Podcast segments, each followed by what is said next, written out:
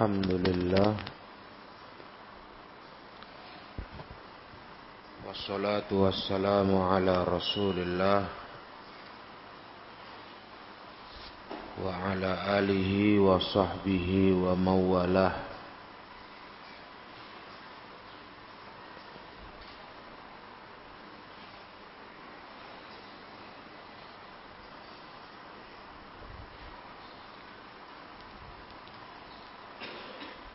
Sekarang kita masuk ke poin poin keberapa? Hmm?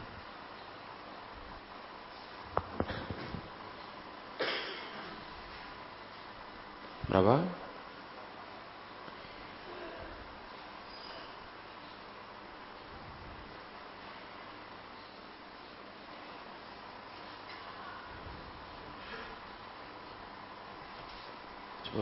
Kita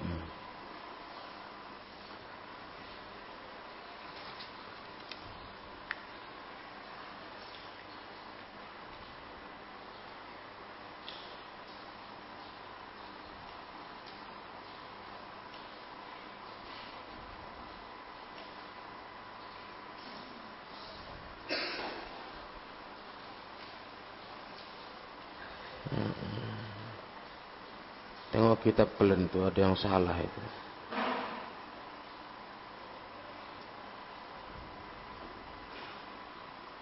Yura fil akhirah wa yarahu ahlul jannati bi absarihim kalamahu. Nah, itu ngawur nih. Tidur pencetaknya, pencetaknya. Itu ada kalimat yang hilang wa yasma'una kalamahu. Fatal betul. Kalau begini macam mana kita memahami ini? Kalamahu kaifasya wa kamasya. Apanya kalamnya itu kenapa?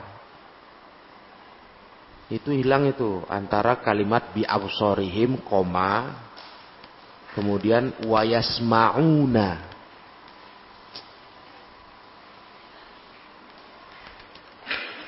Allahul musta'an.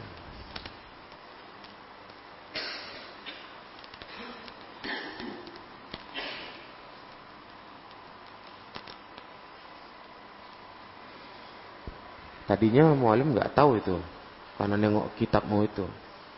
Tadinya mualim mau memastikan nomor saja.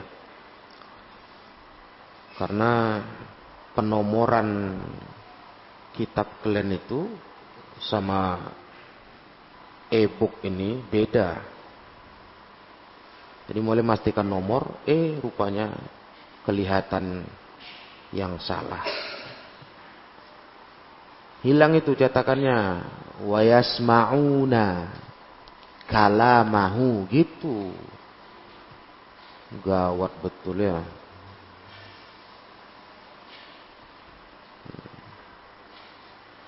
Percetakannya kurang bermutu. Bahaya itu. Bagaimana memahaminya? Enggak ada kalimat wayasmauna.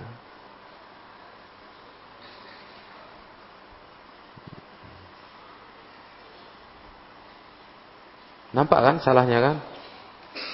Hilang kalimat wayasmauna. Lihat kita terjemahkan dulu. Allah tabaraka wa ta'ala dilihat di akhirat. Yura fil akhirah. Dan melihat Allah ahlus sunnah. Dan mereka melihat Allah. Ahlul jannah melihat Allah gitu.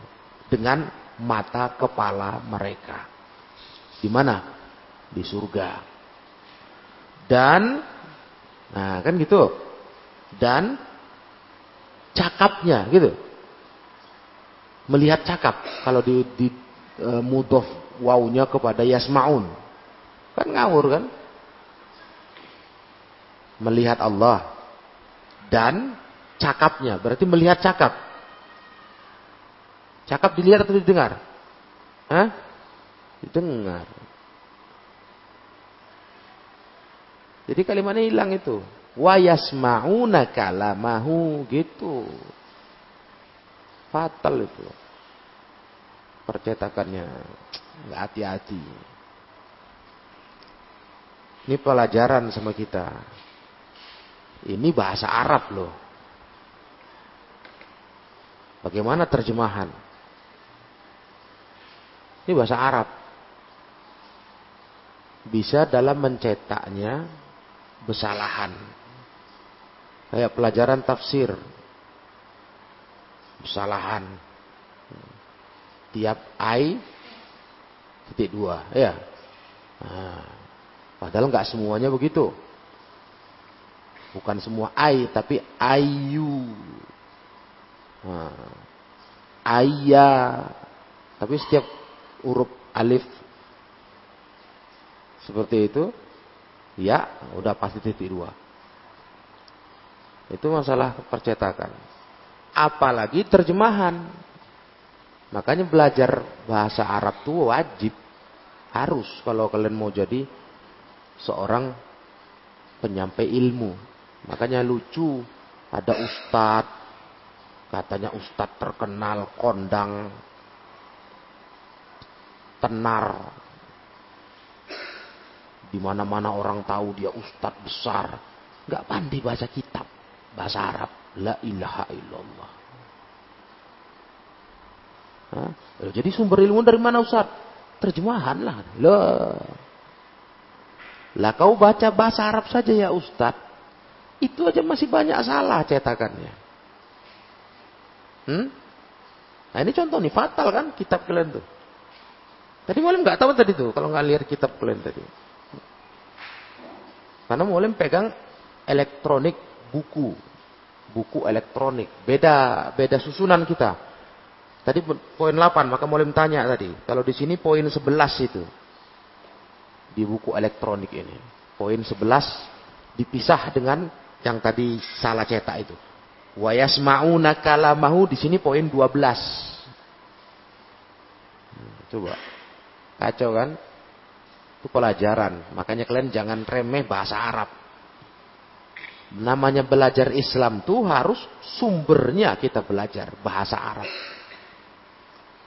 Harus pandai baca kitab. Memang betul, kan bisa belajar Islam tanpa bahasa Arab. Betul, banyak buku terjemahan dijual orang. Buku apa yang nggak diterjemahan? Fathul Bari aja terjemahannya ada tau belum? Fathul Bari tau? Syarah Bukhari, ha, diterjemahkan. Loh, kok mantap kali, rajin kali ya, duit. Bisnis itu. Ibnu Kasir tau Ibnu Kasir? Diterjemahkan. Uh, Ibnu Kasir. Aslinya sudah empat jilid. Diterjemahkan. Wah, jadi banyak lah dia. Kenapa kok rajin kali menerjemahkan? Iya, duit. Bisnis itu. Jadi kadang mengejarkan duitnya, bisnis, ah, sembarangan terjemahannya. Wah, yang penting siap. Si tukang edit nggak tahu bahasa Arab. Nah, ini kacau kali terjemahan ini. Jadi kalau belajar Islam dari terjemahan gawat. Ya. Ini menyemangati kalian belajarlah betul-betul bahasa Arab, serius. Pandai baca kitab. Hmm. Jadi kalian tahu ada salah cetak, terasa eh, ini nggak nggak beres ini, nggak bener ini ya. Kaedahnya nggak begini. Terasa dia, ya kan? Karena namanya percetakan ya gitulah. Ya, kita maklumi juga namanya manusia. Kerja manusia kan begitu. Ada salah-salah. Nah, itulah pentingnya ilmu. Kita bisa ngecek dengan ilmu bahasa Arab. Oh, ini nggak beres, ini ya salah ini. Ini nggak benar cetakannya ini, gitu. Paham dong? Dari tambah itu semua. Kalimatnya wayasmauna kalamahu. Hilang kalimat yasmauna. Hmm. Hilang kalimat itu. Allahul musta'an.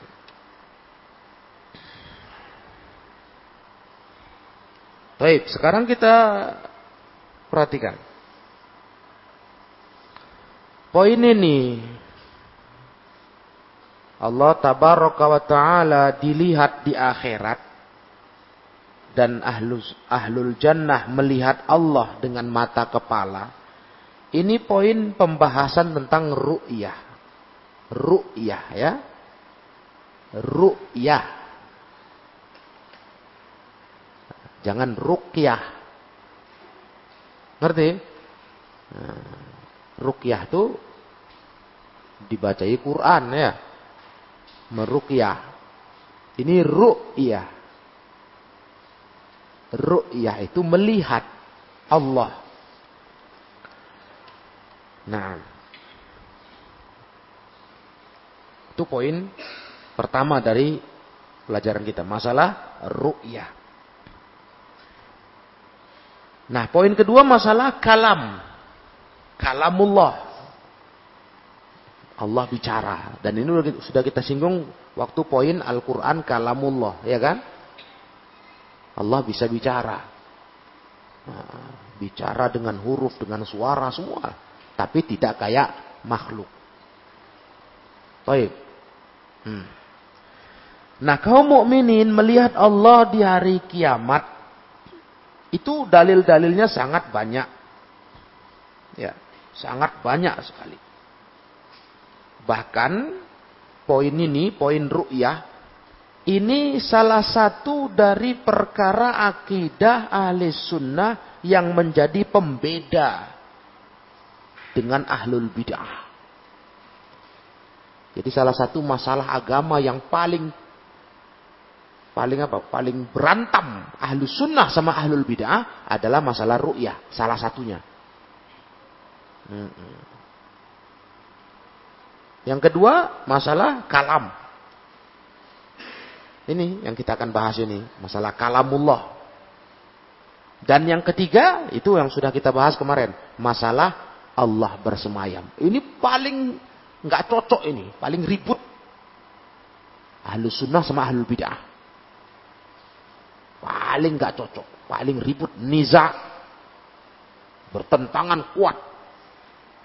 Nah, Ahlu sunnah meyakini Allah dilihat. Ahlu bid'ah nggak yakin. Saya percaya itu. Ahlu sunnah meyakini Allah berbicara. Ahlu bid'ah nggak yakin. Ahlu sunnah meyakini Allah di aras tinggi. Ahlu bid'ah nggak yakin. Udah kita bahas semalam. Pelajaran lalu betul, masih ingat? Ahlu bid'ah mengingkari Allah di atas aras, ya kan? Nah, ini ini bentrok dari dulu. Makanya yang lucunya sekarang zaman kalian ini si ahlul bid'ah itu ngaku kamilah ahlus sunnah.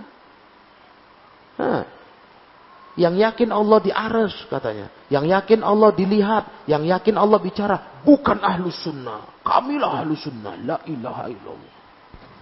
Sekarang ini, zaman kita ini. Jadi siapa rupanya yang yakin Allah di aras dengan dalil-dalil yang sudah begitu banyak kita udah bahas.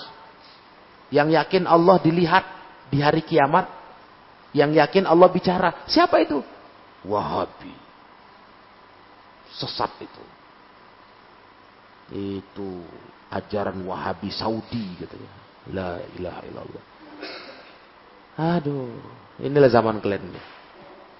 Si ahlul bid'ahnya ngaku ahlus sunnah, ahlus sunnahnya dibilang ahlul bid'ah. Paham? Ini zaman kalian. Makanya kalau nggak pakai ilmu, kalian mana bisa bedakan? Nggak selamat kalian. Karena suara mereka lebih banyak. Lebih heboh. Ceramah-ceramah mereka. Masyarakat. Oh iya ya. Ah, nggak ngerti. Dibilang mereka Allah tidak di aras. Masyarakat nggak ngerti.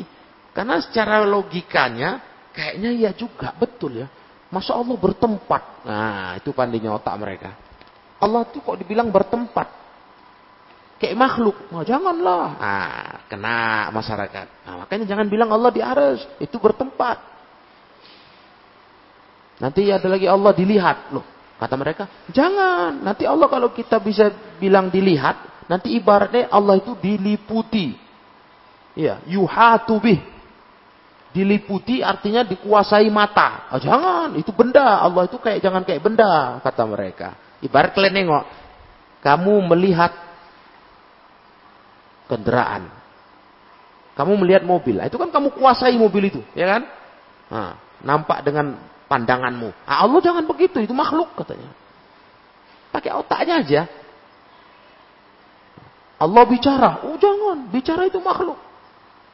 Tengok kita bicara, masa Allah kayak kita? Oh, astagfirullah. Inilah tantangan kalian hari ini. Kalau nggak pakai ilmu, nggak bisa kalian bedakan itu. Nggak dapat. Selesailah kalian sesat. Arusnya sekarang begitu. Mereka begitu gencar. Ahlul bid'ah. Gaya-gayaan malah. Ceramah bebas. Menyerang akidah ahlus sunnah. Atas nama mereka mengaku ahlus sunnah juga. Jadi yang ahlus sunnah sekarang dibilang ahlul bid'ah, sesat, wahabi, yang mereka ahlul bid'ah merasa ahlu sunnah. Oh, gawat sekarang. Nah, siapa kelompok yang ingkar kepada akidah ru'yatullah? Siapa? Siapa lagi kalau bukan Jahmiyah? Yang juga ingkar Allah di aras, ya kan? Jangan lupa ilmu itu. Belajar akidah ini, belajar manhas ini, jangan siap belajar lupa. Lagi-lagi Jahmiyah. Oh, Jahmiyah ini memanglah sudah. Kalau secara hukum kelompok, hukum kelompok, Jahmiyah ini kafir. Dikafirkan sampai kata Imam Ibnul Qayyim lebih 500 ulama, khamsumi'ah alim yang mengkafirkan Jahmiyah. Pahamnya loh ya. Tapi kalau per orangnya Nah, tunjuk hidung, nah itu jangan main kafir-kafir aja. Itu ada syarat-syarat. Tapi kalau hukumnya memang betul. Enggak semua ulama mengafirkan Jahmiyah. Ada juga bilang mubtadi. Masih muslim. Tapi 500 lebih. Kata Imam Ibn Al-Qayyim. Ulama mengkafirkan Jahmiyah. Ya, itu. Karena dosanya banyak kali kelompok Jahmiyah ini. Nah, yang kedua yang ingkar kepada ru'yatullah, Mu'tazilah. Yaitu dia turunannya memang. Paham Jahmiyah turunannya Mu'tazilah. Kalau Jahmiyah itu pengikut Jaham bin Sofwan, karena dia yang paling dikenal. Jadi dibilang Jahmiyah. Padahal pendiri paham Jahmiyah ini siapa? Ja'ad bin dirham. Kalau Mu'tazilah siapa pendirinya? Wasil bin Atha. Nah, itu itu itu barisannya itu mengingkari melihat Allah. Kelompok ketiga yang ingkar kepada melihat Allah adalah kelompok Asy'ariyah. Sama itu setali tiga uang kata orang. Ya. Istilahnya antara Asy'ariyah, Jahmiyah, Mu'tazilah itu 11 12 saja istilah orang. 11 12. Dekat kan? Angka 11 angka 12 dekat kan? Nah. Cuma Asy'ariyah percaya Allah dilihat.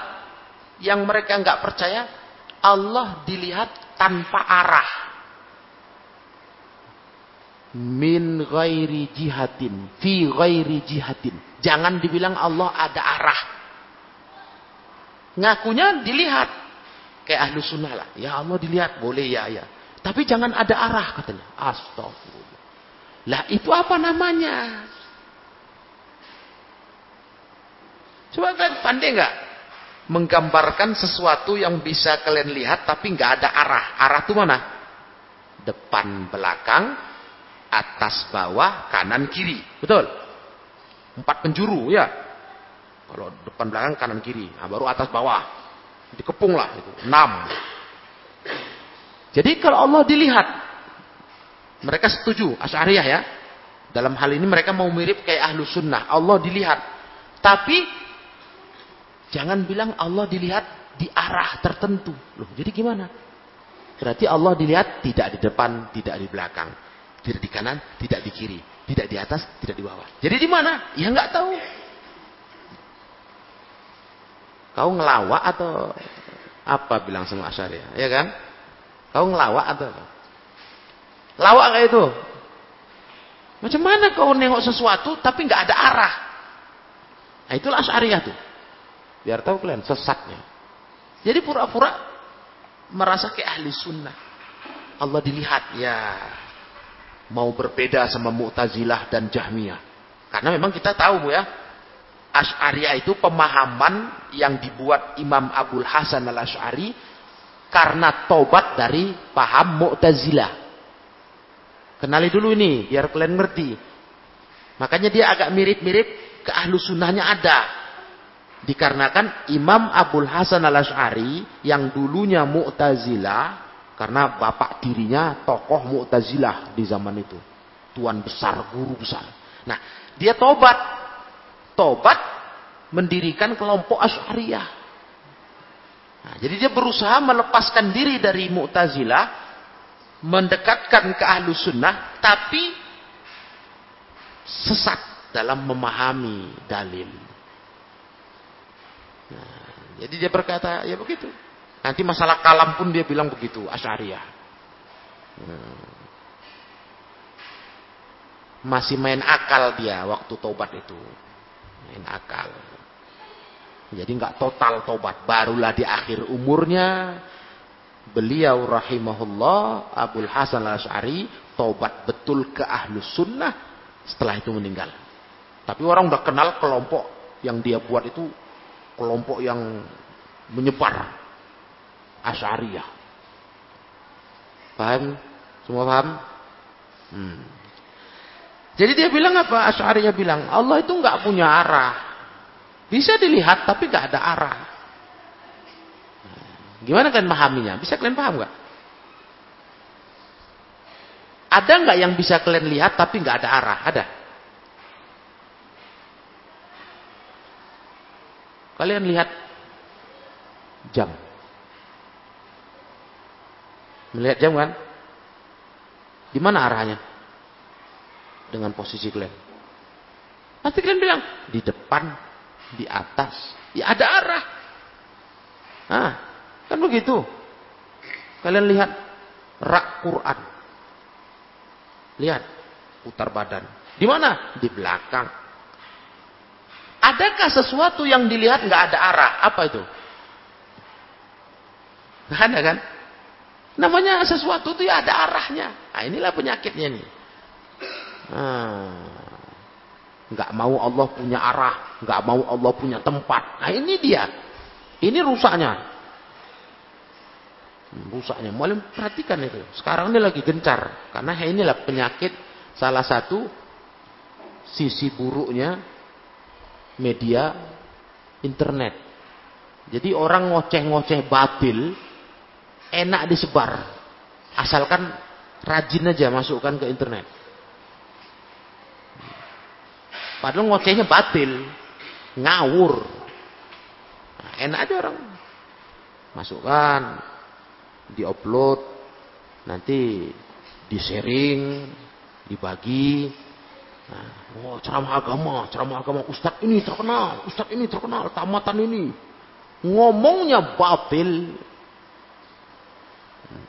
Ngawur. Ya, sampai salah satu yang terkenal katanya, oh pinter, ngomong. Pinter, Masya Allah luar biasa. Ahli Quran. Sampai Rupanya pahamnya berbau asyari juga rupanya.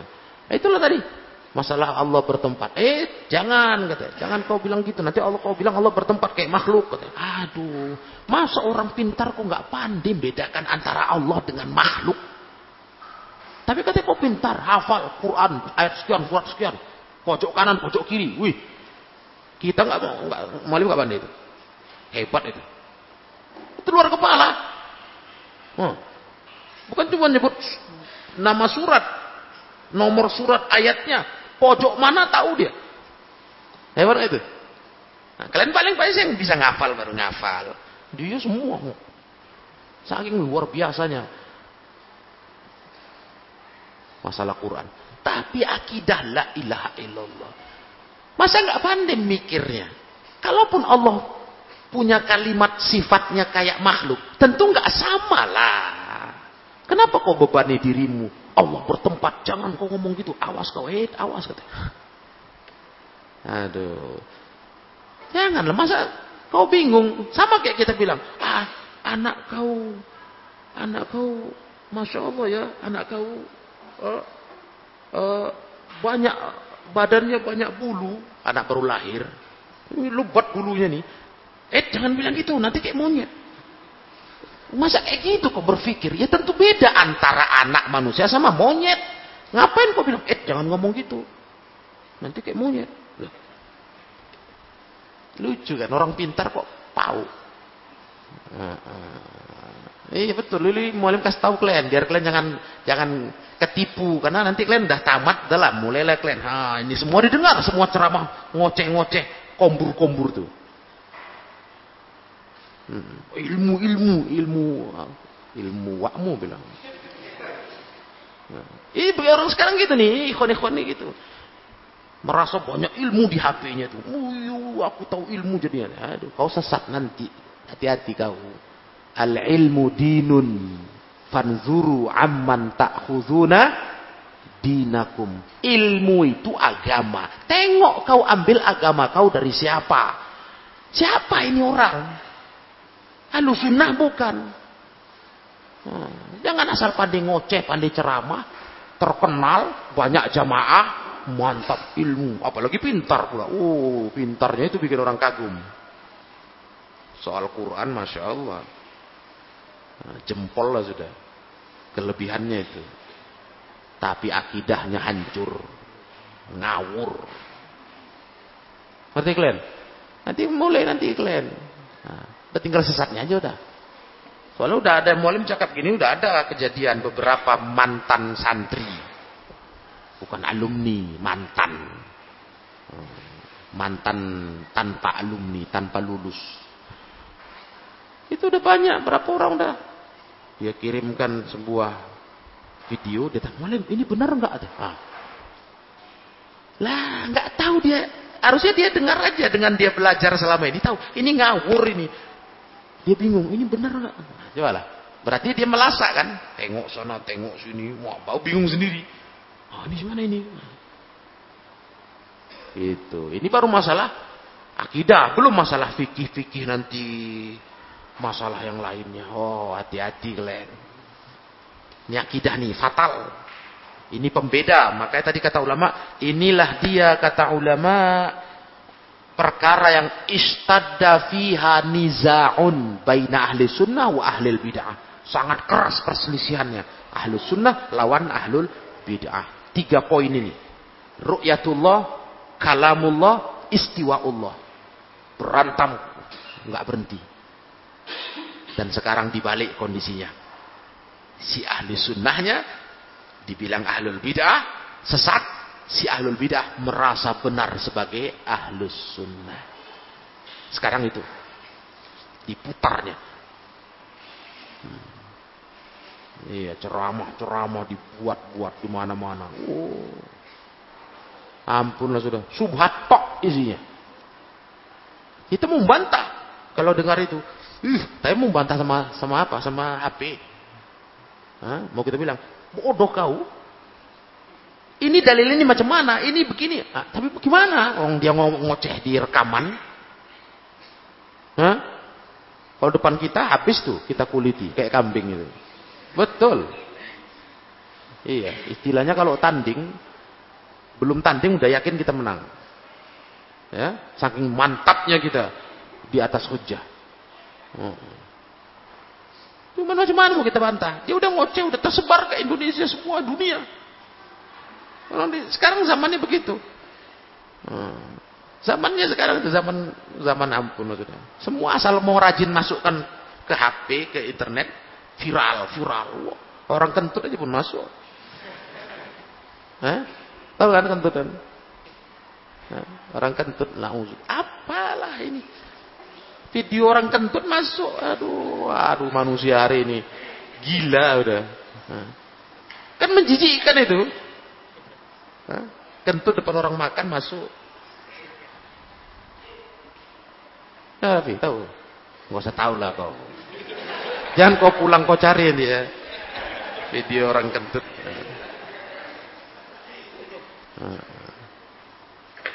Iya. Ampun ampun hari ini ya, nauzubillah. Asal rajin masukkan aja sudah. Terkenal, terkenal. Pokoknya itu. Apalagi ceramah agama kesannya kan mantap. Berbobot ini. Islami ya. Orang kentut aja nggak ada bobotnya masuk. Nah, itulah TikTok kentut itu. Masuk. Apa orang nungging, orang apa semua masuk. Ampun zaman kita ini. Nah, Nah, kemudian kalau dalil-dalilnya banyak sekali ya. Kita sudah banyak pernah juga belajar di usul sunnah ya. Bahwa Allah dilihat dengan mata kepala di hari kiamat. Al-Qiyamah ayat 22 sampai 23. Wujuh yauma idzin nadhirah ila rabbiha nadhirah. Di hari itu wajah-wajah akan cerah, nadhirah kepada Rabbnya akan nadhirah melihat. Melihat. Kalimat ila di sini kata ulama menjelaskannya menunjukkan melihat dengan mata. Ya, mata yang ada di muka kita, wajah kita, mata kita. Hmm, karena melihat ke Nah, itu menunjukkan betul-betul pakai mata. Hmm. Kalau kalimat melihat pakai ilah, ketemu ilah, roa ketemu ilah, itu maknanya melihat dengan mata. Kenapa mulai terangkan begitu? Karena kalimat melihat ada dua memang. Ini dijadikan alat ahlul bid'ah untuk membantah melihat Allah. Kalimat melihat memang ada pengertiannya selain melihat dengan mata, ada maksudnya melihat dengan ilmu. Ada, betul. Dalam bahasa Arab. Contohnya surah Al-Fil. Alam taro kaifa fa'ala rabbuka bi ashabil fil. Apa artinya? Hah? Alam taro. Tidakkah engkau melihat apa yang dibuat Robmu terhadap pasukan bergajah? Allah berkata ke Rasul. Tidakkah kau melihat? Makna melihat di sini apa? Pakai mata kepala. Coba tanya dulu, Rasulullah lahir kapan? Tahun gajah ya. Saat tentara Abraha mau menghancurkan Ka'bah. Terus dilempar oleh burung ababil. Nah, berarti Rasul udah nengok belum? Udah nengok belum? Dengan mata kepalanya. Ya belum, baru lahir. Mana tahu Rasul kejadian itu? Ah, cuman Allah kenapa bahasanya alam taro? Ro'ayaro, taro. Nah, iya. Kata ahlul bidah, ah, tuh lihat tuh, tuh lihat tuh katanya. Nah, kan kalimat ro'ayaro maknanya melihat dengan ilmu, mengetahui. Aduh, itu salah satunya. Masa semua kalimat melihat kau artikan begitu? Ah, kacau nanti. Ya kan? Kacau nanti, rusaklah bahasa Arab. Diartikan ro'a melihat di surah Al-Fil itu. Itu karena ada korinah, petunjuk. Mana mungkin Allah maksudkan engkau melihat dengan mata kepala. Karena Rasul memang belum belum melihat, baru lahir. Makanya diartikan kalimat di dalam surah Al-Fil itu, melihat itu maknanya dengan ilmu, dengan pengetahuan. Nah, itu cocok. Tapi kalau di dalam ayat ini, Al-Qiyamah, gimana? Ila rabbiha nazirah. Ya. Wujuhu yawma izin nazirah. Ila rabbiha nazirah. Kalian mau artikan, melihat di sini, dalam arti dengan ilmu? Ah, yang enggak nggak masuk akal itu. Karena di sini maknanya ila rabbiha nazira. Ila itu maknanya menunjukkan dengan mata. Hmm. Iya. Jadi penggunaan ila roa roa Itu asal kata ro'a itu melihat dengan mata. Baru bisa diartikan dengan ilmu. Melihat dengan ilmu kalau ada cocok petunjuknya. Kayak surah Al-Fil. Itu baru bisa diartikan. Hah? Itu dia. Jadi sudah jelas. Kalau dari Quran. Itu satu. Ada lagi surah Qaf ayat 35. Nah, yang yang Allah bilang di situ apa? Lahum mayasyauna fiha waladaina mazid, ya kan? Di surga itu mereka disediakan apa yang mereka mau dan kami ada tambahan untuk mereka. Apa tambahannya? Mazidnya apa? Melihat Allah. Itu tafsirnya jelas itu. Nah, itu surah Qaf ayat 35. Surat Yunus ayat 26 lilladzina ahsanul husna wa ziyadah. Kalimat ziyadah, tambahan. Juga tambahannya, apa maksud tambahannya? Tambahan nikmat di surga. Nengok Allah, melihat Allah. Itu tafsirnya jelas. Bahkan Imam Syafi'i. Ayo. Nih kita bantah lagi nih orang-orang yang ngakunya Asy'ari, Asy'ari. Ahlu sunnah palsu. Ya. Ahlu sunnah palsu. Padahal asyari. Tapi kalau cerita mazhab, kami syafi'i katanya. Ah, kau dengar ini Imam Syafi'i. Semoga Allah merahmati beliau. Ya. Ketika menafsirkan surah Al-Mutaffifin ayat 15. Surah Al-Mutaffifin apa bunyinya? Kalla innahum ar-rabbihim yawma idzil mahjubun. Nanti tengok Quran. Al-Mutaffifin ayat yang ke-15. Ketahuilah mereka orang-orang kafir itu di hari kiamat dari Rob mereka la mahjubun. Sungguh terhalangi. Mahjub terhalangi. Ketika menafsirkan itu, Imam Syafi'i rahimahullah menyatakan maka kata Imam Syafi'i falamma hajabahum fis sukhti tatkala Allah menghalangi orang kafir untuk melihatnya karena marah marah ke mereka kan berarti? Karena kafir mereka Allah halangi. Kana fi hadza dalilun ala annahum yarawnahu fir ini bukti bahwa manusia melihat Allah dalam keadaan ridho ya ini ketika Allah ridho ke mereka Allah akan kasih mereka melihat Allah. Tuh Imam Syafi'i. Itu Imam Syafi'i kalau di ayat tadi kan orang kafir dihalangi dari melihat Allah. Ya kan? Kalla innahum arabbihim yauma idzil lama jubun. Nah, berarti apa kebalikannya? Kalau orang kafir dihalangi melihat Allah karena Allah murka ke mereka. Berarti kalau Allah ridho kepada hambanya, mereka bisa melihat Allah. Itu kebalikan. Ya kan? Nah, iyalah. Itu udah bahasa yang sangat paham. Ya. Sungguh kalau nilai kalian jelek, kalian tinggal kelas. Maknanya apa? Apa artinya? Kalau dibalik. Jika nilaimu bagus, naik kelas. Betul nggak? Iya kan? Mungkin maknanya, sungguh kalau nilai kalian jelek, kalian tinggal kelas.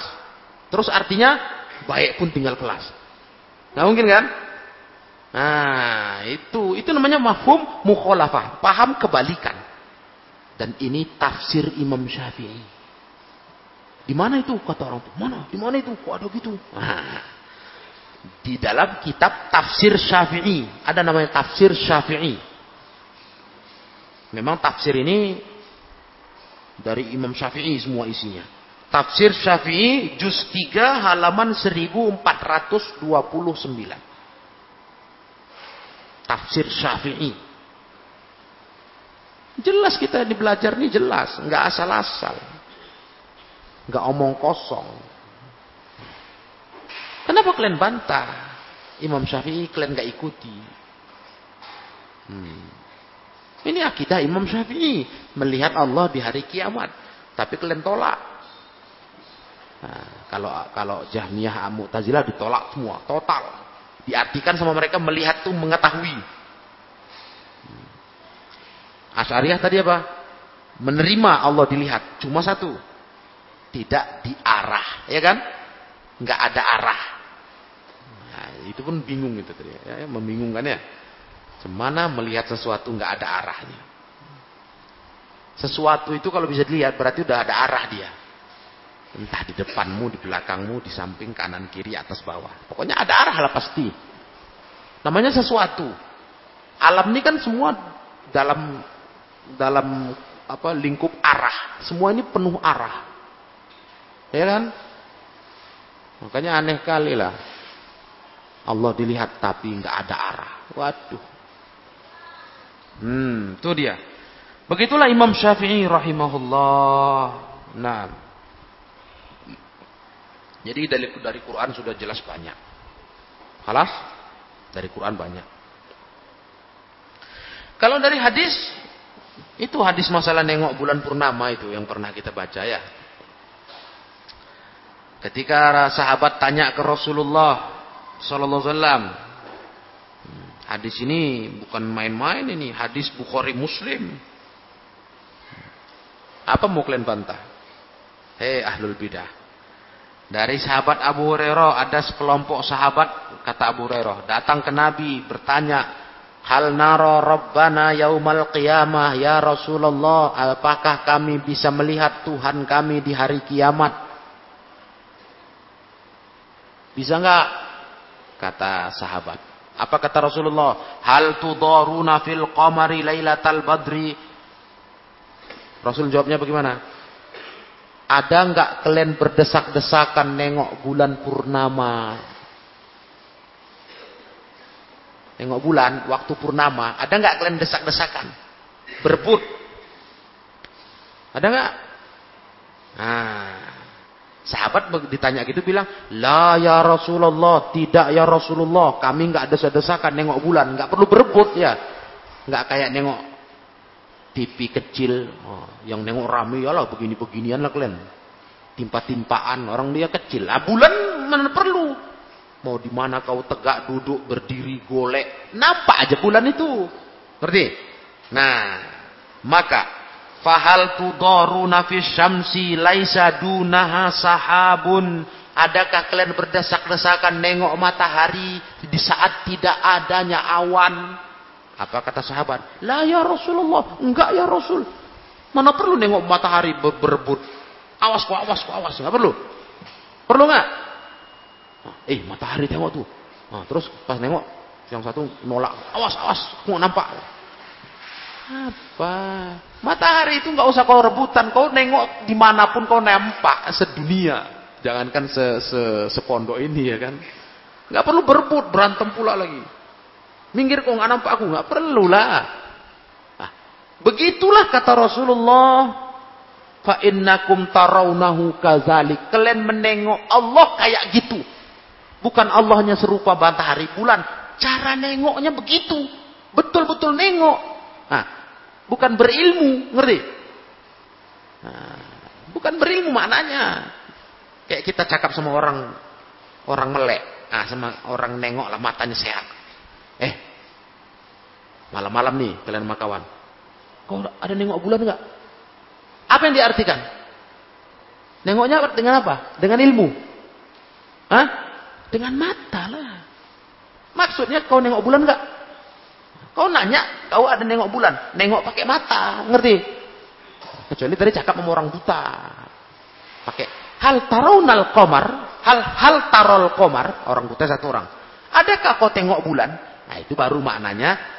Kau tahu nggak ini ada bulan malam ini? Ah, cocok karena buta. Orang buta nggak mungkin lah kita suruh dia nengok bulan, ya kan?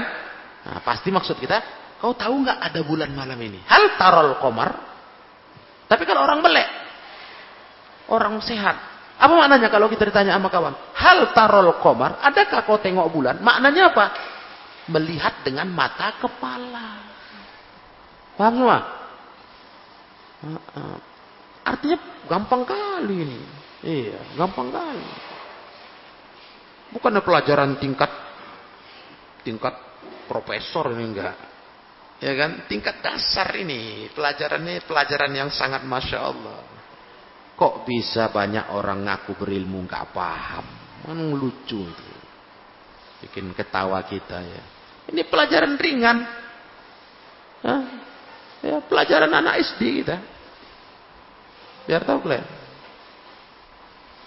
Ya memang namanya sesuatu yang sangat mudah dicerna. Nah, iya. Jangan anak, anak SD. Nggak usah anak SD ya. Anak kecil aja, Yusuf aja pandai. Yusuf pandai. Setahun tujuh bulan umurnya. Dari setahun umur setahun kalau dibilang, tengok bulan sub, tengok. Ah, tahu dia nengok tuh pakai mata. Ngerti? Umur setahun dia udah tahu. Tengok bulan, tengok ada bulan. Nah, awak udah tua mau mati lagi. Tak tahu nengok Allah, nggak ngerti juga nengok Allah pakai mata. Udah mau mati. Sekolah udah tinggi, udah, uh, udah hebat. Tapi nggak pandai juga lagi. Nengok Allah tuh pakai mata. Karena di akhirat nggak ada orang buta. Orang buta nggak masuk surga, ya kan? Orang jelek, orang buta, orang boneng, orang peot. Nggak masuk surga, nggak boleh. Betul? Ah, orang pokoknya orang jelek-jelek nggak masuk surga lah. Nah, os kalian jelek-jelek. Karena kalian kalau masuk surga jadi ganteng, jadi mantap, jadi cantik. Gitu. Mana ada orang buta masuk surga? Di sana dia nggak buta maksudnya, ngerti? Nah. Eh, masa pula awak udah tua, udah berilmu katanya berilmu mantap ilmu luar kepala, nggak ngerti nengok Allah tuh pakai mata. Oh, mata kau itu, payah kali kita nih. Susah ngomongnya. Dibilang juga, bukan maksudnya bukan mata, pengetahuan. Ya Allah ya Rabbi. Masa anak kecil pandai kita tanya. Tengok bulan, tengoknya pakai mata. Enggak dia diem merenung. Udah, tengok bulan. Ha, dengan ilmunya. Dia nengok matanya spontan, refleks dia. Ah. Nah, kan gitu. Karena dia tahu melihat tuh dengan mata. Nah, tengok kata orang Medan, itu bukan bahasa Indonesia. Tengok, nah, tengok bulan, nah, lihat bulan. Spontan, semua kalian semua kita yang melek-melek nih. Lihat matahari. Nah, kan begini, matahari muncul nggak pagi ini? Tengok. Nah, kan? nggak tengok, merenung. Kok ngapain kok gitu? Ku ilmui. Aduh, kau sakit jiwa kau bilang. Ngerti semua? Nah, sudah. Jadi begitu. Akidah ahlus sunnah. Masalah ru'yah ya. Masalah ru'yah. Nah. Wallahu a'lam. Hmm. Nanti kita lanjutkan. Masih ada lagi masalah melihat Allah ini. Masih ada tambahan ilmu tentang. Apa itu? melihat Allah di dunia. Kalau di akhirat sudah sepakat ahlu sunnah. Paham Allah dilihat di yaumil qiyamah. Di surga itu nikmat tambahan. Bahkan nikmat itu mengalahkan nikmat surga. Begitu ahli surga eh, melihat eh, menikmati surga, wah udah nggak ada kenikmatan lebih hebat rasa mereka. Pas ditampakkan Allah dirinya, mereka melihat Allah, ahli surga lupa akan nikmat surga karena nikmatnya melihat Allah. Nah, adapun melihat Allah di dunia, nah ini nanti kita akan tambahkan. Pelajaran yang akan datang kita masih di poin ini dengan tambahan itu. Biar mantap ilmu di usul sunnah itu menempel di paham kalian. Ya, ilahuna kita cukupkan sampai di sini. Wallahu a'lam bissawab. Subhanakallahumma wa bihamdika asyhadu an la ilaha illa anta astaghfiruka wa atubu ilaik. Walhamdulillahi alamin. Wassalatu wassalamu ala Rasulillah wa ala alihi wa sahbihi wa mawalah.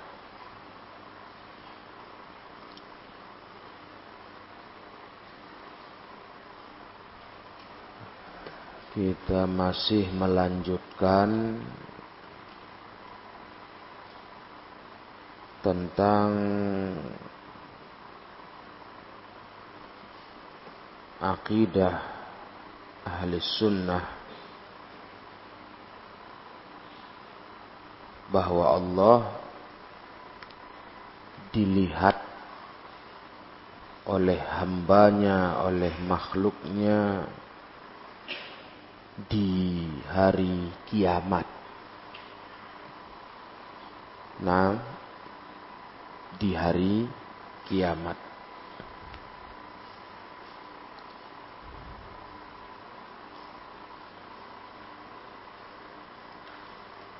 Ada kelompok-kelompok sesat yang sudah kita bicarakan di pelajaran yang lalu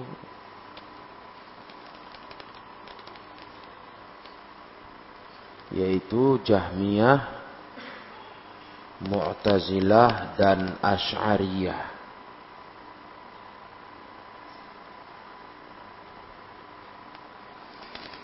Jahmiyah dan Mu'tazilah mengingkari Allah dilihat di dunia dan akhirat.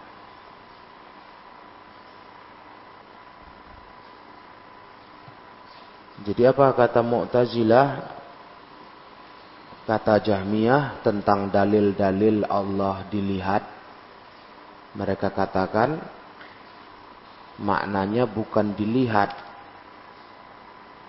Ru'yah itu maknanya ilmu. Diketahui. Jadi hamba itu bukan melihat Allah, tapi mengetahui Allah. Ya kan? Itulah tafsir mereka. Yang sudah kita bantah, mereka berdalil dengan surah Al-Fil. Ayat pertama, ya. Alam taro kaifa fa'ala rabbuka bi ashabil fil. Nah, tengok nih katanya. Melihat di sini maknanya apa? Mengetahui Tidakkah kau mengetahui apa yang Allah buat kepada tentara bergajah? Diartikan melihat, mengetahui.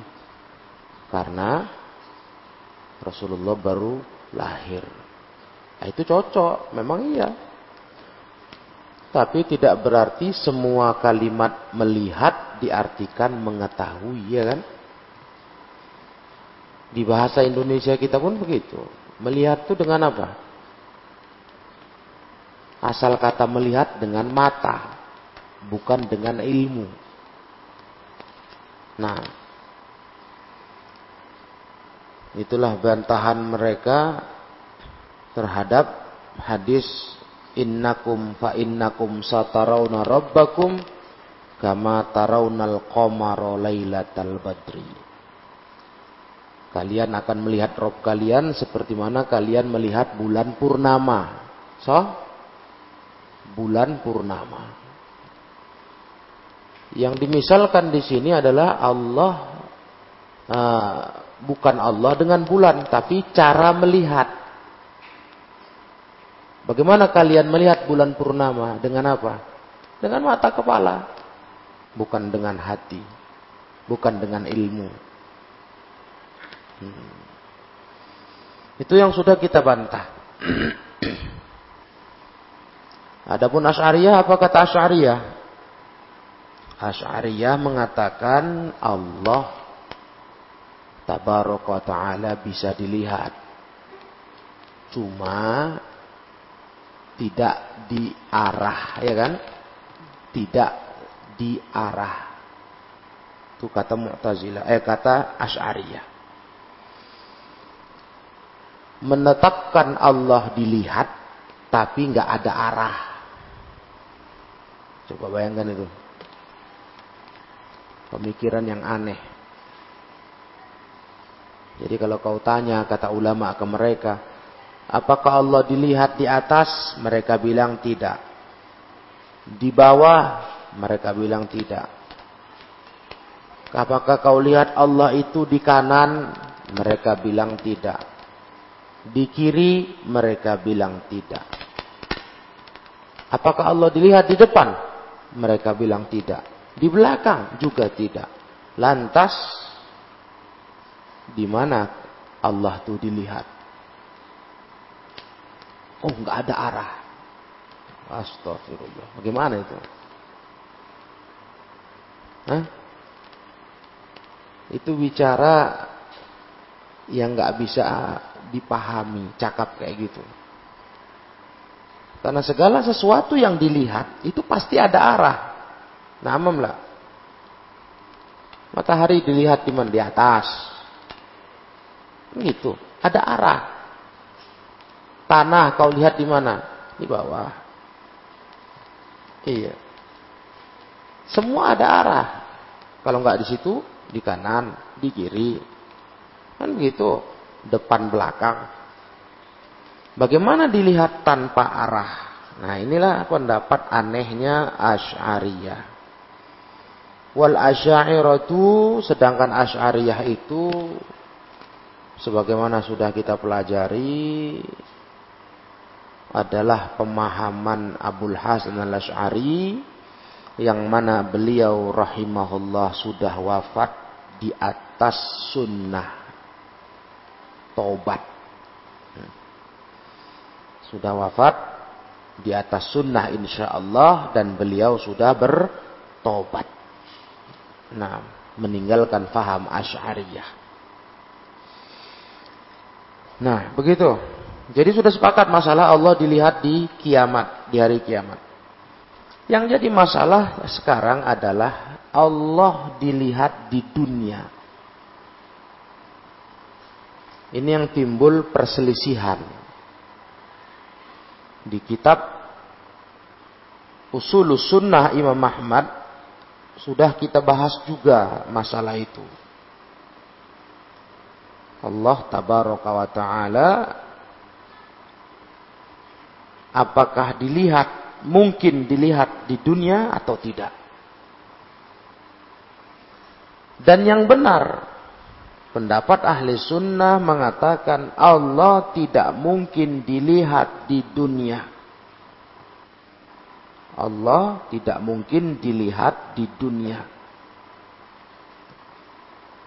Itu pendapat ahli sunnah. Semua ahli sunnah menyatakan begitu. Itu yang paling sahih. Ahli sunnah tidak berselisih masalah itu. Jadi kalau masalah Allah dilihat di dunia, ahli sunnah tidak berselisih masalah itu. Itu tidak bisa. Jadi yang yakin dengan itu hanyalah segelintir ahlul bid'ah. Seperti kaum sufi. Ya. Itu yang meyakini.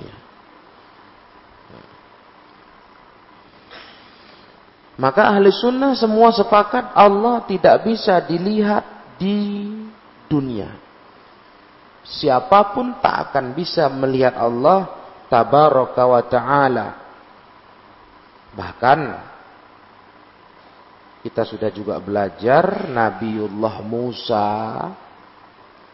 kepingin lihat Allah ya kan?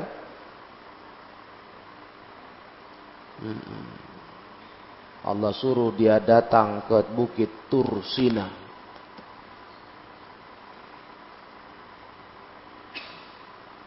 Baru nampak cahaya, Korro sa'iqo pingsan.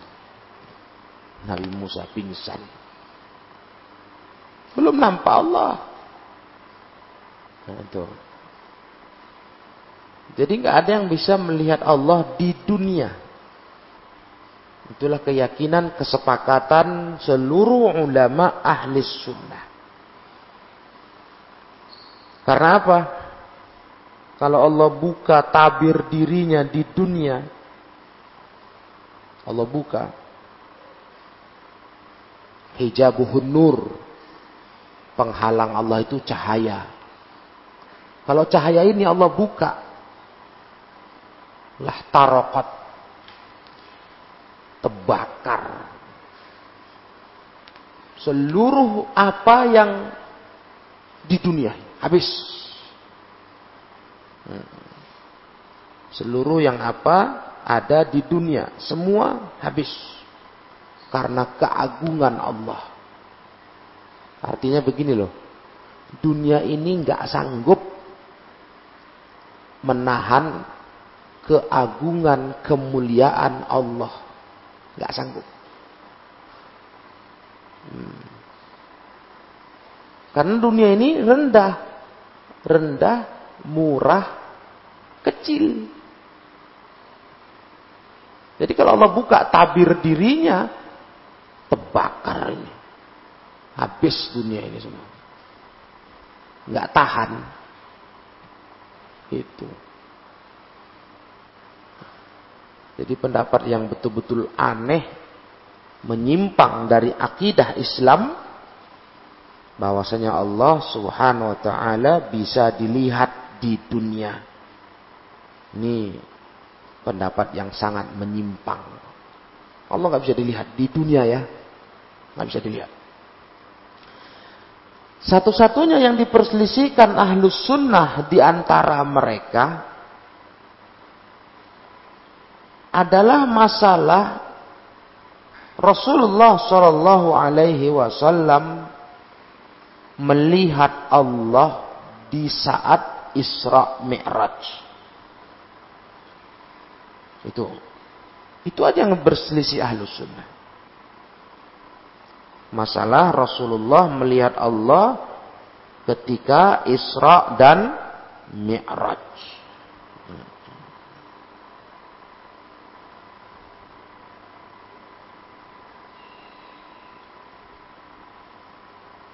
Sudah?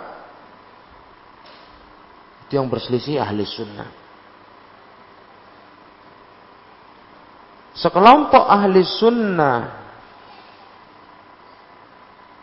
meyakini Allah tabaraka wa taala dilihat Rasulullah sallallahu alaihi wasallam ketika Isra Mi'raj.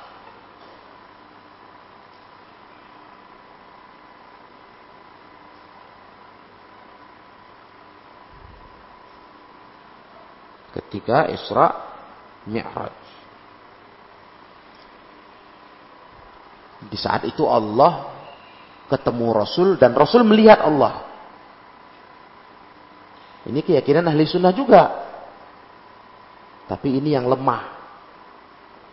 Di antara ulama yang berkeyakinan seperti itu, bahwa Nabi melihat robnya dengan mata kepalanya waktu Isra Mi'raj adalah Imam An-Nawawi.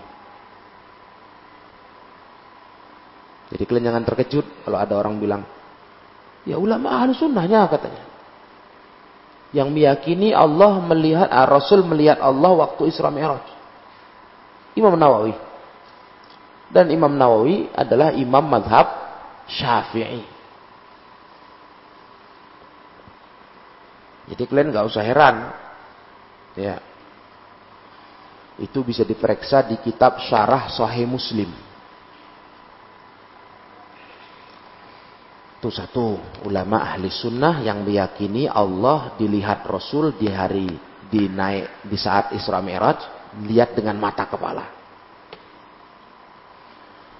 Ulama kedua yang juga meyakini dengan keyakinan itu adalah Al-Imam Al-Qurtubi.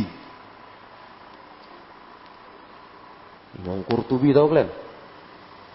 tafsir Qurtubi. Dan memang itu didapati dalam tafsir Qurtubi. Bahwasanya kata Imam Qurtubi Rasulullah melihat Allah dengan mata kepala ketika naik ke langit. Mm-mm.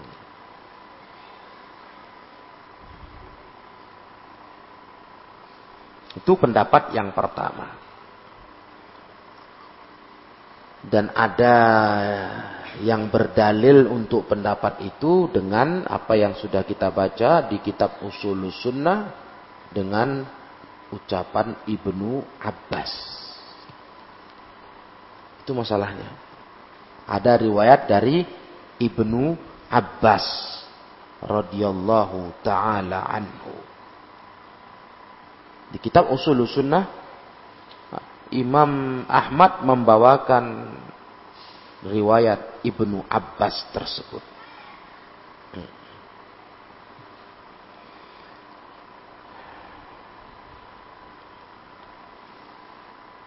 Sudah paham kalian? Sampai-sampai Imam Ahmad pun dianggap ya, Imam Ahmad pun dianggap termasuk pendapatnya Allah dilihat Rasul dengan mata kepala waktu Isra Mi'raj.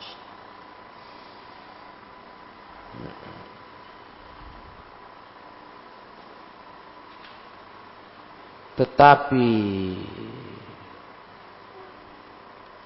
pendapat ini pendapat yang lemah, ya kan? Pendapat yang lemah. Karena semua riwayat dari sahabat Ibnu Abbas tidak satu kesimpulan karena ada dua riwayat dari Ibnu Abbas.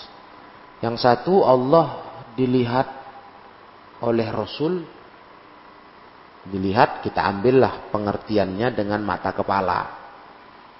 Karena asal melihat kan dengan mata. Tapi di riwayat lain Ibnu Abbas menjelaskan Allah dilihat Rasul ro'ahu bifuadi dengan hati. Nah itu selesai masalahnya kalau begitu. Istilahnya mutlak dan muqayyad. Riwayat pertama dari Ibnu Abbas itu sifatnya mutlak. Rasul melihat Allah waktu Isra Mi'raj. Itu.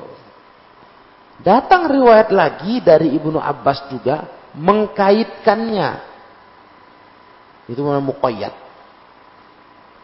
Jadi yang mutlak dalam ilmu usul fikih dibawakan kepada yang muqayyad.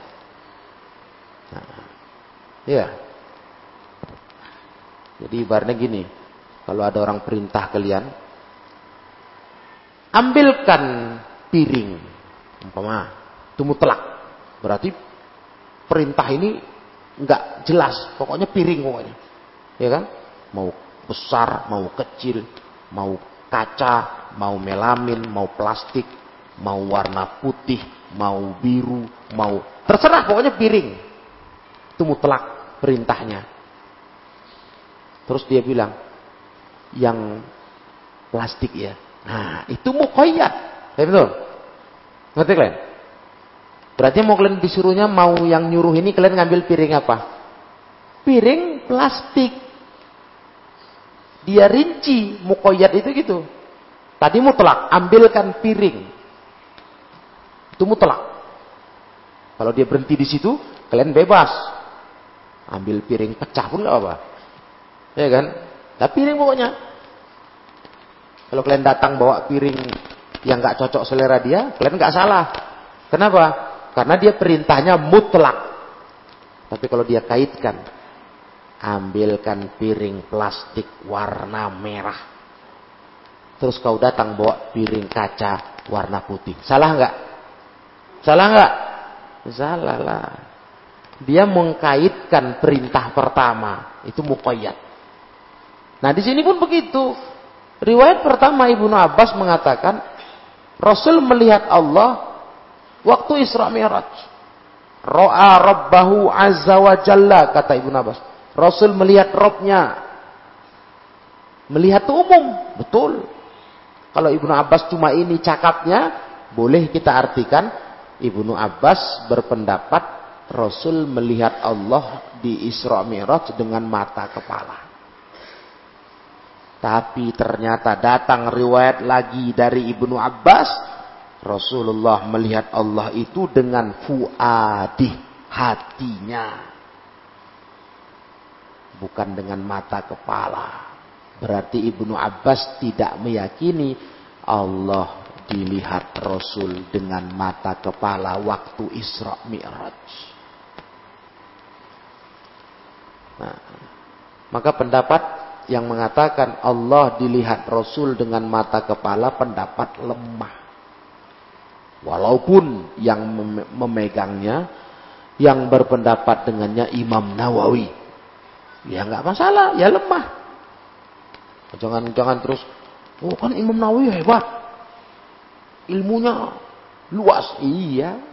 Namanya manusia bisa salah. Nah, yang penting ulama-ulama itu ngomongnya nggak sembarangan. Mereka berijtihad. Kalau orang berijtihad macam mana? Aturannya mujtahid. Kalau benar dapat dua pahala. Kalau salah satu pahala. Gitu.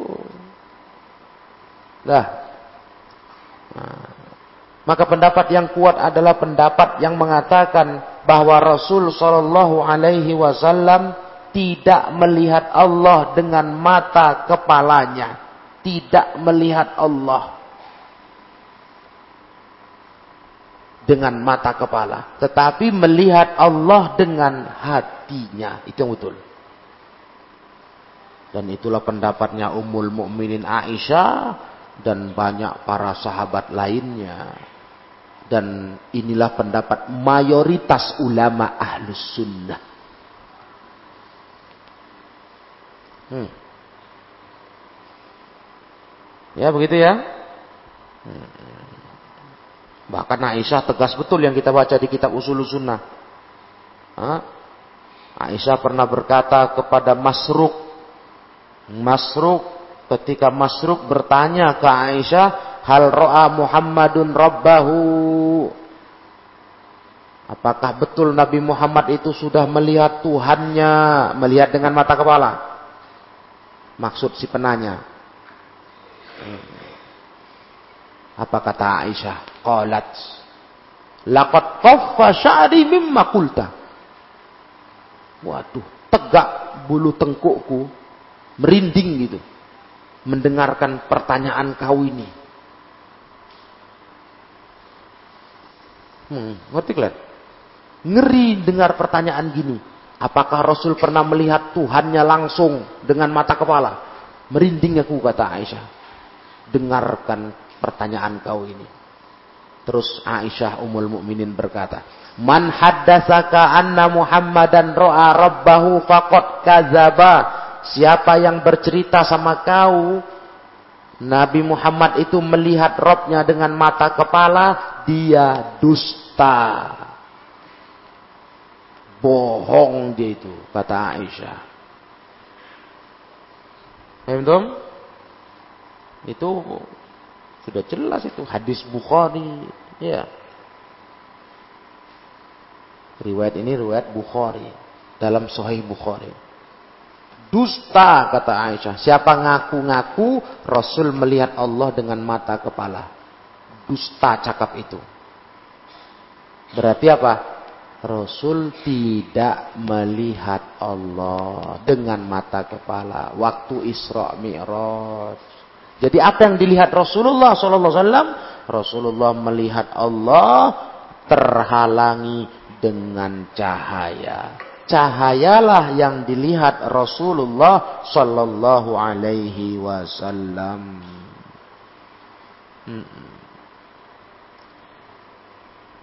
Bukan Allahnya dilihat Rasul enggak, tapi cahaya. Nurun anni arahu kata Cahaya yang ku tengok. Jadi kesimpulannya apa? Tidak satu pun makhluk yang pernah melihat bentuk Allah dari kalangan penduduk bumi. Gak ada yang tahu. Gak ada yang tahu. Bentuk Allah kayak mana? Gak tahu. Yang pasti satu. Kalau kita cerita bentuk Allah. Laisa kamithlihi syai'un nggak ada serupa Allah satu apa pun. Paham dong? Nggak ada mirip Allah. Nggak ada mirip Allah sedikit pun dengan makhluknya. Nggak ada. Makanya jangan bayangkan Allah. La tafakkaru fi zatillah. Jangan berpikir tentang bentuk zat Allah. Itu haram. Jangan ngayal-ngayal kalian. Gimana Allah kira-kira bentuknya ya? Walakin tafakkaru fi khalqillah. Kalau mau mikir, pikirkan saja makhluk Allah. Jangan pikirkan Allah. Gitu ya. Jangan ada bayangan-bayangan kalian. Oh mungkin begini, oh mungkin begitu. Nggak akan bisa. Kenapa? Allah nggak ada serupa makhluk. ada. Zat Allah itu tidak serupa makhluk. Jadi gimana membayangkannya? Kita yang bisa kita bayangkan apa? Sesuatu yang nampak ada di alam kita. Itu mungkin kita bayangkan. Hmm. Iya. Mungkin kita khayal-khayalkan, oh begini mungkin bentuknya kan itu. Nah, bisa saja kalau di makhluk ya. Kalau di Allah jangan, nggak akan bisa. Perbuatan yang dosa menjurus kepada pemahaman sesat musyabbiha. Nanti kau akan tergereng, tergiring kepada pemahaman Allah kayak makhluk. Nauzubillah. Musyabbihah, mumatsilah, Ya kan? Hmm. Atau kamu tergiring kepada kelompok Jahmiyah. Nah, yang membuang sifat dan bentuk Allah dengan dalih Allah jangan kayak makhluk. Makanya untuk Allah jangan difikir-fikirkan. Allah itu ada. Ada enggak? Iya adalah. Bagaimana mungkin alam semesta yang begini tertib, teratur, itu kan pelajaran akidah kelas 1 itu. Bukti Allah itu ada. Alam ini begitu tertib, teratur. Bagaimana nggak ada yang mencipta, nggak ada yang mengaturnya. Masuk akal itu. Sampai kata ulama, jarum kecil, jarum kecil. Jarum pentol lah. Kecil nggak? Iya, halus sekali. Itu ada yang buat nggak? Hah? Ada. Lah bagaimana alam sebesar ini dengan teraturnya matahari berjalan siang malam berganti kok nggak ada pencipta kata orang-orang komunis PKI kan itu keyakinan komunis ateis nggak yakin sama pencipta alasannya itu tadi nggak nampak. Nggak nampak. Jadi kalau nampak aja kau percaya bilang. Iya kan? Nampak aja kau percaya. Uh, orang ateis ini itulah kita heran ya. Kalau sekarang orang sering bilang apa? Mereka itu orang jenius, jenius. Tengok tuh, negara-negara yang teknologinya canggih. Itu muncul dari orang-orang ateis.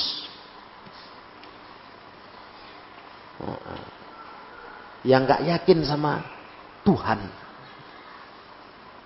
Padahal bagaimana kok jenius? Ya kan? Apanya yang jenius coba? Kalau urusan dunia entahlah. Tapi kalau urusan agama, kepribadian agama, apanya yang jenius? Bodoh, sangat bodoh ya Bagaimana adanya alam semesta ini nggak ada pencipta? Cobalah. Dia aja jenius katanya bisa nyiptakan alat tempur. Kayak negeri Rusia, itu kan negeri komunis tuh. Itu termasuk negara yang sangat jago kali bikin senjata. Lawannya Amerika, saingannya. Itu hebat-hebat mereka men menciptakan senjata-senjata tempur. Makanya banyak negara-negara lain beli senjata dari mereka. Beli tank, beli pesawat petempur, beli sama mereka. Karena mereka yang bisa buat. Itu saja coba tanya sama otaknya. Setuju nggak kau? Itu pesawat. Itu jadi sendiri loh tiba-tiba. Ting. Jadi wah. Di bandara langsung keluar tengah malam. Besok pagi udah ada deh. Wah jadi. Pasti dia nggak mau. Wah, gila kau katanya. Dibuat itu, capek itu, kecil-kecil dibuat semua tuh, dirakit-rakit, dirakit-rakit, berbulan-bulan baru jadi satu pesawat, mungkin bertahun. Itu pesawatnya, segitu cuman besarnya. Kau bilang ada yang buat, nggak mungkin nggak ada. Gila aku kau bilang, karena aku bilang itu nggak ada yang buat. Nah, bagaimana alam semesta ini sebesar ini, langit bumi? Kau bilang nggak ada Tuhan pencipta. Nah, itulah mereka. Ya. Hanya karena merasa Allah itu nggak nampak. Ada kisahnya itu kan. Seorang profesor. Iya. Profesor komunis. Jumpa sama anak kecil. Nah, anak kecil-kecil lah masih ya, umur-umur SDA. Ya dia mau coba-coba mempengaruhi otak anak kecil. Ini profesor nih loh. Hei, nak. Ada Tuhan. Ada lah. Ada. Loh, kalau ada Tuhan kenapa kau nggak ditolongnya? Kau kok susah? Ini anak-anak korban perang. Iya. Yeah. Ya ada. Allah pasti tolong kami. Nah, coba mana Tuhan? Nampak enggak? Enggak, kata anak ini. Nah, itu makanya. Enggak ada Tuhan itu. Nah, kata si profesor. Pau ini. Datang anak kecil itu diem aja. Menung dia. Iya, pikirnya iya juga. Ah. Pak. Ada otak kau. Yuh, Profesor bilang gak ada otak. Dia itu profesor karena otaknya pintar kali lah. Ya kan? Gak ada otak kau, Pak. Ah, kau kurang ajar kau. Bagaimana saya gak punya otak? Mana Pak otakmu? Gak nampak. Hah? Mati kau kan? Nah. Lawan anak kecil kalah dia. Bingung dia. Apa mau dibilangin? Memang gak nampak otak di dalam. Mungkin ditujukan, ini, ini otakku. Matilah dia. Dikoyak yang kepalanya. Nggak nampak pak. Mana otak? Bingung terdiam Profesor Rupi terus. Wah. Lawan anak kecil, anak korban perang nggak bisa ngomong. Karena kalau sesuatu yang nggak nampak, ya gampang aja. Otak dia nggak nampak. Mau di dalam. Jadi kok nggak ada otak pak. Selesai. Itulah kebodohan komunis kata ulama. Itu cerita dari para ulama. Terlalu bodoh memang. Nah, jadi begitu ya. Allah tabaraka wa taala tidak dilihat di dunia. Adapun Rasul waktu Isra Mi'raj hanya melihat cahaya. Kelas? Hanya melihat cahaya. Nah. Ini penting kalian tahu Mana tahu kalian dengar-dengar nanti. Ini kan bulan Isra Mi'raj ini ya kan. Bulan Rojab ya. Dulu-dulu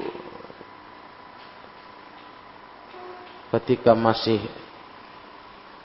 banyak berilmu para ustadz-ustadz penceramah Isra Mi'raj kalau udah acara Isra Mi'raj kan mereka cerita Isra Mi'raj. Nah itu mereka singgung ini. Mereka singgung. Bahwasanya Allah itu waktu Rasul naik ke langit dilihat Rasul dengan hati. Adapun mata Rasul nengok cahaya. Nah, itu masih berilmu. Hmm. Ya. Lama-lama makin tak berilmu ya kan. Nah, sehingga kalau ditanya para pendengar nanti, jadi Ustaz, Allah itu waktu di langit sana ditengok Rasul nggak dengan mata kepala? Bingung dia. Dia nggak tahu ilmunya.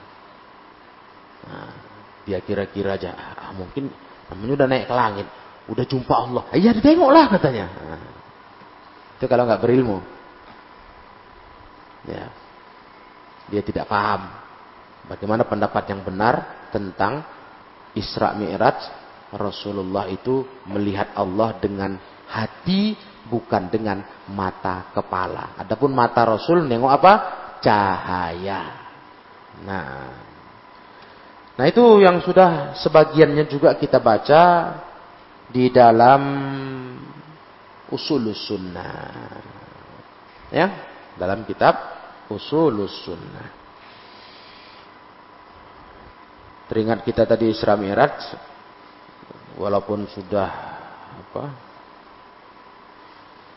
Sudah mengakar, menancap khususnya di Indonesia keyakinan bahwa Isra Mi'raj itu terjadi tanggal 27 Rajab. Itu udah mengakar itu. Sampai kalender-kalender tanggal merah, ya kan? Tiap 27 Rajab tanggal merah hari libur.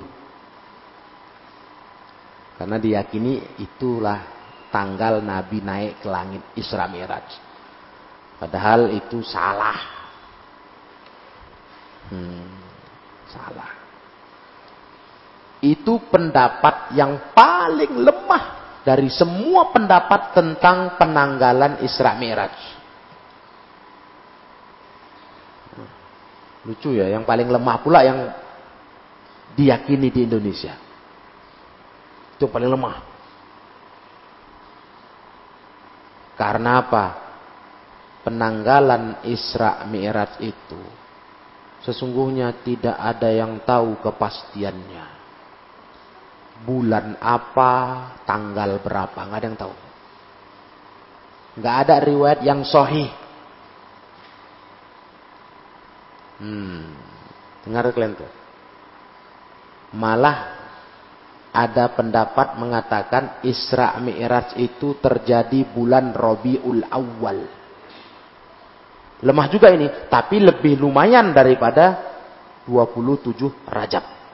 Lebih lumayan ini terjadi pada bulan Rabiul Awal, tapi tanggalnya nggak jelas. Paham kalian? Jadi pendapat yang sekarang dipakai di Indonesia untuk menang, memberi penanggalan Isra Mi'raj itu pendapat paling lemah. Paling lemah. 27 Rajab. Enggak betul itu. Hmm, makanya jangan dirayakan. Kalau betul aja pun nggak boleh dirayakan, ya kan? Udah pula nggak betul, nah, ya lucu. Nah. Kalau betul aja, nggak boleh dirayakan karena nggak ada contoh merayakan Isra Mi'raj, nggak ada contoh. Nggak ada contoh dari Nabi, sahabat, tabiin, tabiut tabiin, nggak ada. Bahkan empat imam mazhab pun tak pernah merayakan Isra Mi'raj. Peringatan Isra Mi'raj nggak pernah. Maulid Nabi nggak pernah. Ngapain dirayakan? Ngapain? Ini tambahan ilmu untuk kalian. Oh, kalau maulid katanya, katanya. Pentinglah. Bersyukur kita Nabi lahir. Katanya. Loh. Yang lebih bersyukur kalian atau sahabat? Sahabatlah yang paling bersyukur kali. Paling terasa kali syukurnya. Nabi lahir, Nabi jadi Rasul, Nabi membimbing mereka. Tapi nggak pernah mereka merayakannya. Ya kan? Isra Mi'raj, kenapa kalian rayakan? Oh, bersyukur kita Nabi naik ke langit. Dapat kewajiban sholat lima waktu. Alah. Syukur apanya? Sholat pun kalian enggak. Atau kalau sholat pun ke masjid pun malas. Apa? Jangan cerita lah sudah. Kalaupun cerita bersyukur-bersyukur karena nikmat tertentu, banyak nanti mau kalian rayakan. Bukan cuma maulid Nabi Isra Mi'raj. Banyak. Banyak kali kita bersyukur, kita bersyukur. Wah, maulah kita raya aja tiap hari. Paling enggak tiap bulan. Kenapa? Karena banyak kejadian besar, nikmat yang Allah beri kepada umat Islam. Contohnya perang Badar, ya kan? Perang Badar gimana? Kalau sempat Nabi kalah perang Badar tuh, nggak kenal kita Islam. Habislah Islam saat itu. Makanya waktu perang Badar itu Nabi berdoa. Hmm, kalau kau tak, kau biarkan kami kalah ya Allah, kau nggak disembah lagi di muka bumi. Ya habislah. Nah, berarti kan penting kali nikmat kemenangan perang Badar ya kan? Gimana? Kita buat perayaan perang Badar. Hah? Kalian buat itu, kalian dihujat masyarakat Islam. Ini kelompok sesat nih, buat perayaan baru. Loh, Kenapa rupanya? Tapi kalian mau mau pakai cara gitu. Pokoknya ada nikmat rayakan perang Badar. Kan gitu orang sekarang kan? Ulang tahun, tambah umur, nikmat lahir, ulang tahun perkawinan, ya kan? Gitu. Aduh, semua perayaan, perayaan, perayaan perang Badar lah. Ada lagi perayaan perang uh, perayaan Fatu Mekah. Ya, penting nggak itu Fatu Mekah? Nabi ngalahkan Mekah. Penting nggak? Penting. Sejak itulah Islam tuh berkembang, bebas berdakwah karena Islam hebat. Mekah tunduk. Buatlah perayaan. Perayaan Fatu Mekah. Habislah kita semua disesat-sesatkan orang. Oh, kelompok aneh ini ada pula perayaan Fatu Mekah. Nah, coba. Kalian aneh itu. Kok ada perayaan Isra Mi'raj Maulid Nabi. Iya. Kalau cerita syukur nikmat, banyak kali nikmat mau kita syukuri. Terus kita rayakan semua. Hah? Gitu. Habislah sudah. Baik untuk pribadi maupun untuk masyarakat. Bakalan bermunculan beragam macam nikmat uh, perayaan karena nikmat Allah itu memang nggak terhitung. Banyaknya nikmat Allah itu nggak terhitung. Gitu. Jadi jangan macam-macam. Jangan pakai akal-akalan mau membela acara-acara begitu, ya kan? Nah, Islam nggak kenal itu. Nggak ada perayaan itu. Maulid Nabi, Isra Mi'raj itu nggak ada. Kalian kalau bersyukur Nabi naik ke langit, jaga sholat, sudah. Oh, jauh loh itu menerima kewajiban sholat. Terbang ke langit, naik buruk Nabi. Ya kan? Satu malam pulang balik. Coba. Nah, sholat yang betul. Cara Nabi dia belajar cara Nabi sholat. Gitu. Bukan hanya sholat aja. Sholatnya di masjid laki-laki. Kan itu. Tepat waktu. Gitulah syukur sama nikmat Isra Mi'raj. Bukan merayakan. Yang intinya bukan merayakan itu, bukan masalah ilmunya penting diajarkan ke masyarakat ceramah, bukan. Masalahnya makan-makan. Dah. Ingat nggak kalian dulu masih ikut merayakan Isra Mi'raj? Maulid Nabi di sekolah, di kampung. Apa yang paling bikin semangat kita ikut? Makan-makan. Coba puasa. Nggak laku. Hmm. Karena ada orang bilang gitu juga. Ah, kita kan Nabi aja mensyukuri kelahirannya dengan puasa Senin. Senin itu kenapa Nabi puasa? Hari itu aku dilahirkan. Wow. Jadi kalau kalian mensyukuri lahir Nabi, Buatlah maulid Nabi sambil puasa sunat. Sepi, masjid sepi. Yang bikin rame itu makan-makan, tau kalian? Itu bikin semangat sekampung. Kalau di kampung-kampung tuh buat acara maulid, itu masing-masing rumah bawa kue ke masjid. Itu yang sedap. Macam-macam lah, namanya tiap rumah. Satu talam, satu talam. Wih, asik kali. Itu yang sedap. Coba puasa. Mana hadir orang? Mana cerita? Ini manusia ini payah. Masih membela juga acara-acara begitu ya. Ustadz-ustadz yang ngotot juga lagi. Dengan alasan ini, alasan itu. Alah, alah, alah. Kullu muhdatsatin bid'ah wa kullu bid'atin dolalah. Nah, selesailah sudah poin itu. Poin masalah ru'yatullah. Ya, di hari kiamat nanti di surga itu baru bisa Allah dilihat. Kalas. Adapun di dunia tidak bisa dilihat. Bahkan Rasulullah naik ke langit pun tidak bisa melihat Allah Subhanahu wa taala. Ilahuna kita cukupkan sampai di sini. Wallahu a'lam bissawab. Subhanakallahumma wa bihamdika asyhadu an la ilaha illa anta astaghfiruka wa atubu ilaik. Walhamdulillahi rabbil alamin.